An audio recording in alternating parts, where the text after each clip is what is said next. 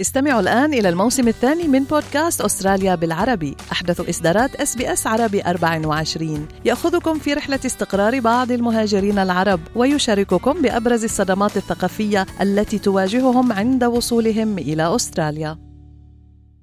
أنتم مع SBS عربي 24 استمعوا إلى آخر إصداراتنا بودكاست الهوية. تتعرض بعض العائلات لهزات في مسيرة حياتها. ما يستدعي لتدخل وسيط قانوني لحل أي نزاع بطريقة آمنة. للتحدث عن إجراءات الحماية والوساطة القانونية لنزاع عائلي تحدثنا مع المتخصصة بالوساطة القانونية لفض النزاع السيدة هبة حميد والتي عرفت الوساطة القانونية بقولها.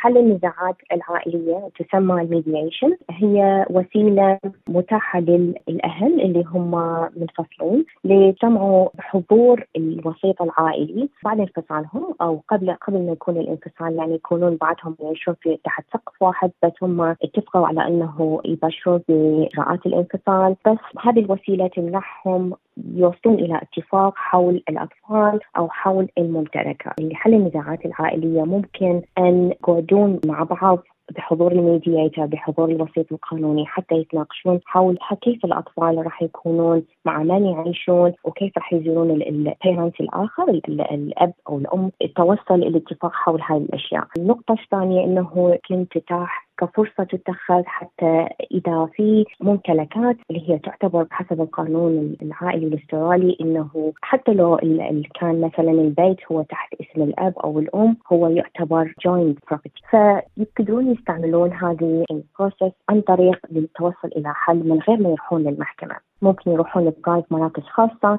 يكون مباشر الدفع لهم مباشر ويكون بالساعة بس أكو مراكز مدعومة من خلال الحكومة يكون الدفع بها قليل أو لا شيء أستاذة هبة بعد وصول الحالة شو بتكون وظيفة الوسيط القانوني لفض النزاع العائلي؟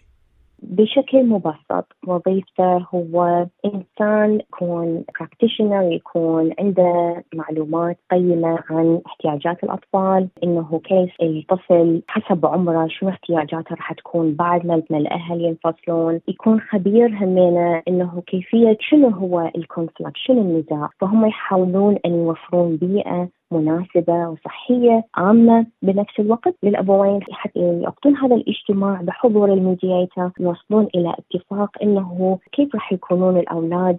فال mediator يحاول إنه يعرف كل طرف شنو دا يعاني من شنو ويحاول يركز تفكيرهم على أطفالهم. لأن الأطفال هم بنفس الوقت راح يكونون يعانون. أكثر أكثر شيء يعانون من عنده هو ال unpredictability يعني انه هم ما ما يعرفون صار uncertainty ماكو أي hope إنه ال situation نفسه راح يبقى. فتشوف أطفال هواية يصيرون يتركون المدارس تتطور عندهم حالات نفسية. لهذا دائما أحسن وسيلة إنه استخدموا هاي الخدمة استخدموا ال mediation process خصوصا إحنا جاليتنا إنه ممكن نحولهم شنو المنظمات الموجودة وال programs الموجوده البرامج الموجودة تساعدهم.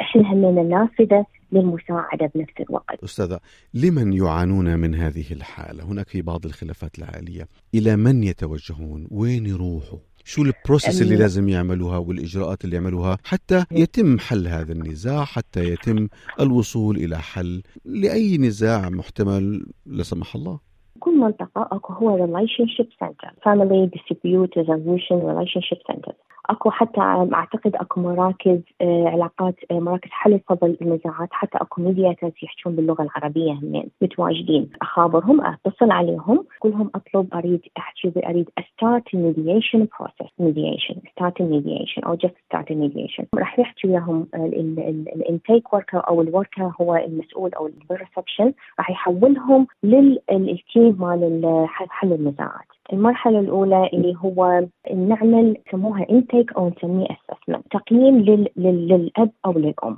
اللي هو جلسة تكون تاخذ تاخذ تقريبا ساعة ساعة ونص أو إلى ساعتين. نناقش بها الغرض من هذه الجلسة المنفردة. وكل parent الغرض منها إنه أول شيء build العلاقة يعني نبني العلاقة ويا الأب أو ويا الأم كوسيط قانوني. أبني العلاقة وياه أسمع من عنده أسمع ال side مال story أسمع وجانبه أسمع من عنده. so اخذ معلومات قد ما أقدر أخذ معلومات من الأب ومن الأم المنفصلة. بعدين أسوي تقييم. إذا ال parents هم واحد منهم ممكن يتعرض للخطر إذا الأطفال أكو ممكن يتعرضون للخطر هذا أول اهتمام. ثاني اهتمام كيف نحلل النزاع؟ إحنا إحنا في سبب إحنا ك mediators نحلل النزاع. شنو الأسباب اللي وراء هذا النزاع؟ ونحاول نقرب بوجهات النظر بال mediation. من هذا ولا ما نخلص ال assessment نسوي تحويل لل services للمراكز الأخرى للبرامج الأخرى. إذا هذا ال parent محتاج هاي مثلا sometimes يحتاجون يروحون يشوفون محامي. نحولهم على محامين. هم هم يكونوا subsidised يعني مثل legal aid or women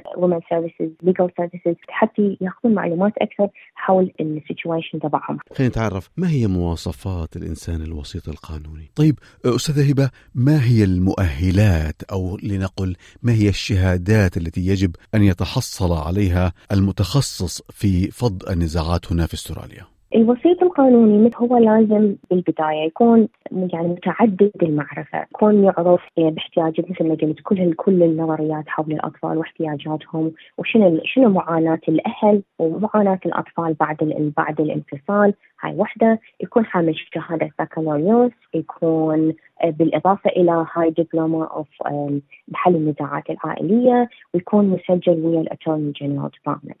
هذا هذا طبعا شرط حتى للميدياتر حتى هو يقدر يمارس المهنة مالته.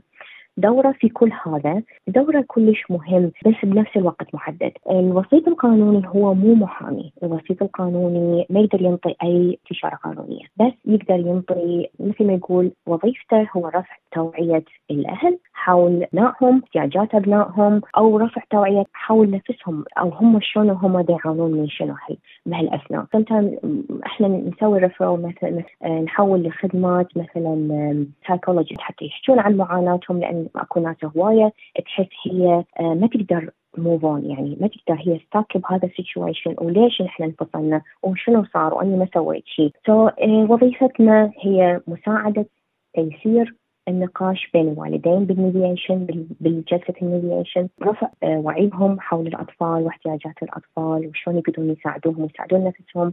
مرات الأطفال نفسهم يجونا مو هم يجونا بس الأهل يقولون إنه عندهم بعض المعاناة النفسية. يعني هم already بدأوا start develop هذول بدأوا يطورون هاي المعاناة النفسية إحنا هم نحول نحول إلى أي خدمة ممكن تساعدهم بهذا هذا الجانب شلون إحنا أنتم كأبوين نقدر نساعد هذول الأطفال حتى هم مثل ما نقول cope يعني يقدرون يتعدون هاي المرحلة مال انفصال أبائهم بس يكونون healthy يعني بطريقة وبيئة نعم. صحيحة ومعينة نعم. فهذا هم دور دور تمام.